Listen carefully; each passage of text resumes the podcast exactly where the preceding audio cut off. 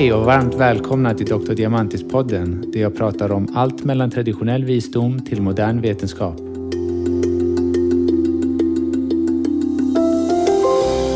Dagens avsnitt kom till liv när jag upptäckte hur många av mina patienter säger att de ständigt försöker.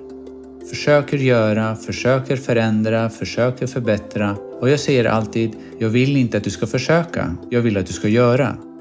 Till att börja med så förstår de inte vad jag menar så då får jag förklara för var och en. Detta avsnitt ger en bra mycket mer detaljerad beskrivning i konsten att sluta försöka och hur detta kan vara ett sätt för dig att göra allt det du önskat. Allt vårt lidande är ingenting mindre än investerade känslomässiga minnen som man inte kan släppa taget om, vilket sedan blir den psykologiska grunden och byggstenarna som formar vår framtid. Det förflutna och framtiden existerar inte pragmatiskt men endast som minne för intellektet, vilket ger individen idén att de har kontroll över sina liv. Med tiden förstår vi att oavsett hur storskaliga planer vi har om framtiden och hur mycket vi än försöker ha kontroll så har livet alltid ett sätt att ändra på dessa planer. På så sätt fallerar individens illusion att det är vi som har kontroll över vår framtid. Och denna mentalitet, att tro att vi har kontroll över våra liv, är otroligt aggressivt och våldsamt sätt att relatera till livet. Denna inställning är något nytt för oss där vi kollektivt accepterat att individen existerar. Jag minns väldigt väl när jag var liten och åkte till Grekland till min by där de äldre brukade fråga ”Vems är du?” Man brukade då berätta sitt efternamn och vilka förföräldrar man hade för att man representerade något mycket större än sig själv. Man representerade hela familjens värderingar och sist berättade man vad man hette. Individen var inte så viktig. Man följde helt enkelt familjens värderingar och uppförde sig därefter och skulle man göra fel av sig skulle hela familjen drabbas. På så sätt hade individen ett större ansvar helt enkelt. Men vi lever i individens era nu, där återkommande försök att styra livet enligt sina egna värderingar och övertygelser på vad som är sanning eller inte. Och vi tvingar även på andra vårt perspektiv, vilket är ingenting mindre än början på tyranni. Jag är uppvuxen här i Sverige med sådan mentalitet. Otroligt tävlingsinriktad då jag varit skolad som elitidrottsman hela mitt liv. Problemet med en sån skolning är att under en längre tid kunde jag inte koppla ifrån när jag skulle försöka vara först och när jag skulle bara njuta och ha kul. Innerst inne visste jag att detta inte var sunt. Att det inte var rimligt att leva på detta sätt. Men det var många år och hundratals böcker senare som jag insåg vem eller vad jag inte är. Att jag inte kan separeras från naturen omkring mig. Min syn på människan, naturen och livet började ändra skepnad och allt jag hade lärt mig om att ha kontroll över framtiden började rinna ut mellan fingrarna på mig. En djup intuitiv känsla började gro inombords. Att det är bara när du ger upp försöket att tvinga eller kontrollera något som du kan verkligen få en typ av kontroll du alltid önskat, men aldrig visste fanns. Denna typ av kontroll är ingenting personligt och existerar endast på ytan av människans psyke. Hela mitt liv hade jag lärt mig att planera noggrant vad jag skulle bli bättre på som basketspelare. För det var vi blivit skolade för. Att bli bättre och bättre och aldrig vara nöjda. Men när jag insåg att endast naturen är den sanna läraren började jag observera vad som pågick omkring mig. Jag kunde sitta och titta på ett träd, stort som litet, men började även lägga märke till små saker såsom insekter, flugor, myror som gick i led. Och jag var så fascinerad av allt detta, från det största till det allra minsta. Det som gjorde störst intryck hos mig var att allt hade sin rytm. Allt hände på sitt sätt. Från ebb och flod, till fåglar som flög, till fiskar som simmade i stim. Allt hände utan någon riktig auktoritet. Det var som en symfoni som skapade sin egna melodi framför ögonen på mig. Inget såg ut att försöka, saker och ting bara skedde, av sig själv, naturligt, spontant. Och ju mer jag observerade djur, insekter och växter så kunde jag inte snart urskilja vad som var vad. Att blommor inte kunde överleva utan bin och bin utan blommor. Så hur är dessa två olika organismer inte ett? Vart då går gränsen på vad som är vad? Allt börjar sammanflätas till ett stort stoft av händelser, en rytm en melodi som vi alla medverkar i. Jag kunde sitta och observera så pass länge att när jag lyfte min arm för att klia mig själv kom jag på att jag var i denna kropp och hade en arm. Jag älskade att observera och ju mer jag gjorde desto mindre jag fanns kvar. Det fanns stunder då känslan att jag inte var där gick över till ännu mer underlig känsla, vilket är svårt att beskriva. Men om jag skulle försöka sätta det i ord skulle jag säga att jag inte var så atropocentrisk längre. Det fanns stunder då jag inte kände att jag var i en kropp. Tankarna var fullständigt stilla och allt som fanns kvar var handlingen av att observera. Detta blev inte ett nytt sätt att leva, det bara var. Det bara hände, av sig själv. Det var som att jag inte fanns där i kärnan. På ytan kunde jag välja vad jag ville beställa för mat och vilka kurser jag skulle läsa på universitetet. Men saker och ting var så mycket enklare. Jag analyserade inte längre. Allt bara hade sin gång. Saker och ting bara hände. Jag försökte inte längre, jag bara gjorde. Denna spontana sätt till livet finns hos oss alla för det finns överallt i naturen. Allt i naturen är vad det är och på samma sätt så anstränger jag mig inte längre på att vara bäst på något. Jag är väl den jag är och på något konstigt sätt, hur flummigt det än låter, har det ingenting med mig att göra. Vi alla kan uppleva samma spontana natur genom att släppa ifrån oss den seriösa sidan eller delen i vårt sinne som vill ha kontroll. När jag säger släppa så är det inte en aktiv fas men en passiv. Det finns inget hur, men endast en form av psykologisk regression till ett större perspektiv där du och jag blir ledda dit, där vi behöver vara, när vi behöver vara där. Du behöver inte ens lita och snälla sluta försöka. Detta kan låta kontroversiellt, men den enda frågan att ställa sig själv är Vad är? Upptäckten av denna spontanitet i livet tillåter oss själva att sjunka djupare i vårt medvetande att vi är naturen och inte skiljer oss från den på något sätt. Det handlar inte om att överge sitt liv till någonting större, men att du som individ är inget mer än en illusion och vad du och jag egentligen är, är inget något som vi intellektuellt kan beskriva. När vi upptäcker och upplever att denna rytm är vår manna i livet börjar vi vara mottagliga för vart vår intuition leder oss. Vi slutar hålla fast vid erfarenheterna från det förflutna och istället förankras i nuet. Framtiden blir inget mer än en mirage, som en transparent reflektor av vårt medvetande som manifesteras från kärnan av det feminina. För att du ska förstå mer om det feminina så lyssna igenom på ett tidigare avsnitt som kallas Det feminina visdomen. När du inte tvingar dig själv på att upptäcka liv förstår du att du är liv. När du inte tvingar dig på livet upptäcker du att du är liv. Alla våra desperata försök att kontrollera livet är resultaten av den miljö vi har vuxit upp i.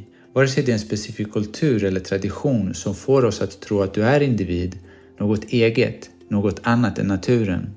Och att du som individ måste kämpa hela livet för att bli något, för att livet är hårt och tufft och det krävs att du offrar din tid och är disciplinerad i att lyckas för att världen är en otrygg och farlig plats där djungelns lag råder, att äta eller att bli äten. Att det är du emot världen och att det inte går att lita på någon för att alla vill ha någonting från dig. Och skynda, var inte lat för att livet är kort och snart dör du och så är sagan över. Inget av detta kunde vara längre från naturens sanna rytm. Och jag säger inte att livet är en dans på rosor med en silversked i munnen, men definitivt inte hur jag uppfattade det som ung vuxen. Det tragiska i denna ideologi är en själslig avrättning för vår yngre generation där en generation efter den andra lever ett liv allt längre ifrån naturens rytm.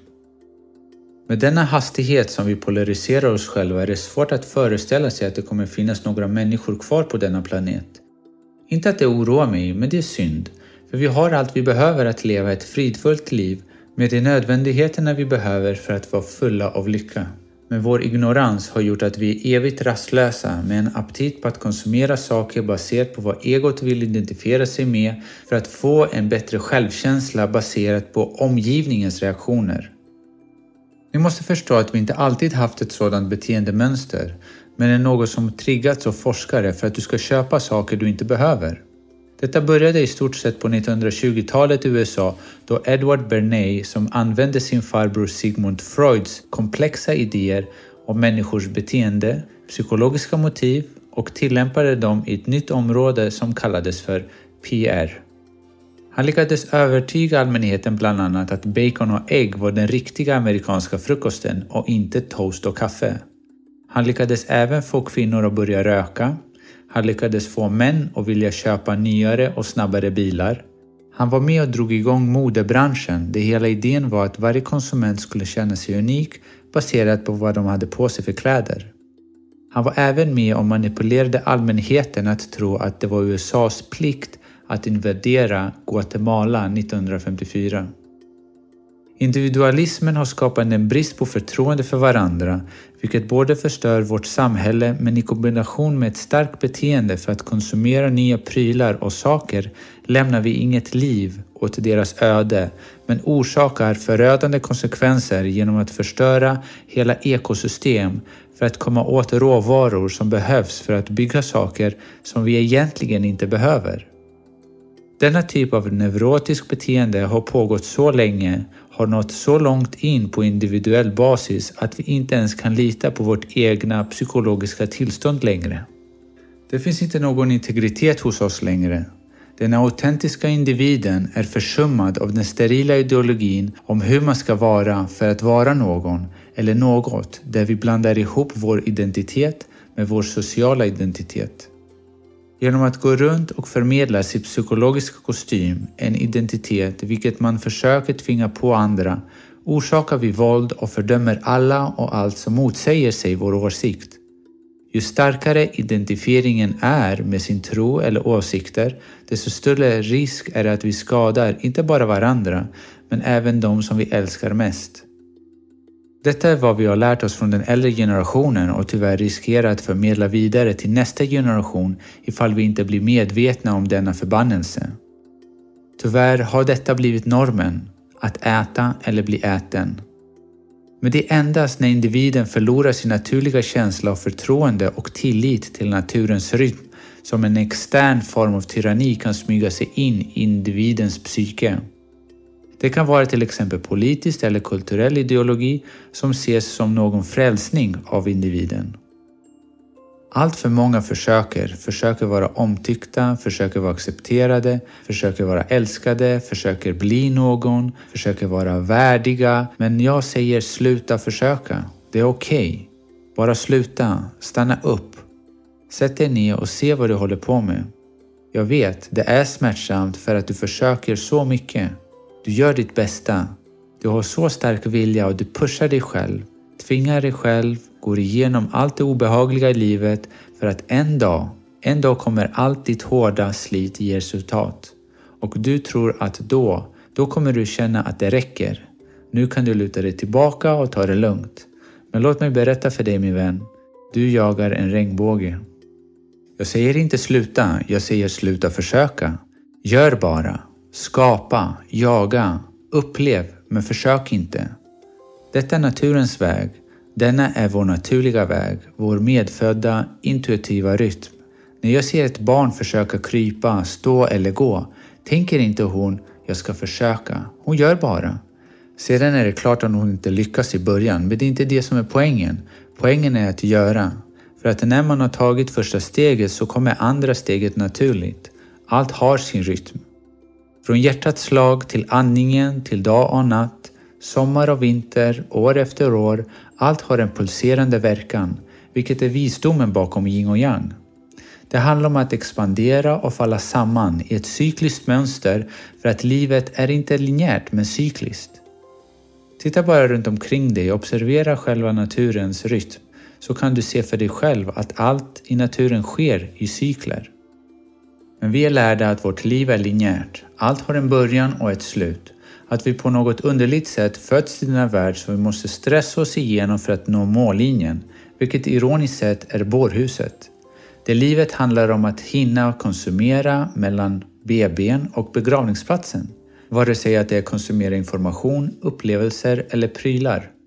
Men vi har blivit uppfostrade av vår familj, kulturen och samhället att tro att livet är linjärt som består av en serie av kontrollerande händelser som på ett förutsägbart och mekaniskt sätt kan kontrollera hur framtiden kommer vara.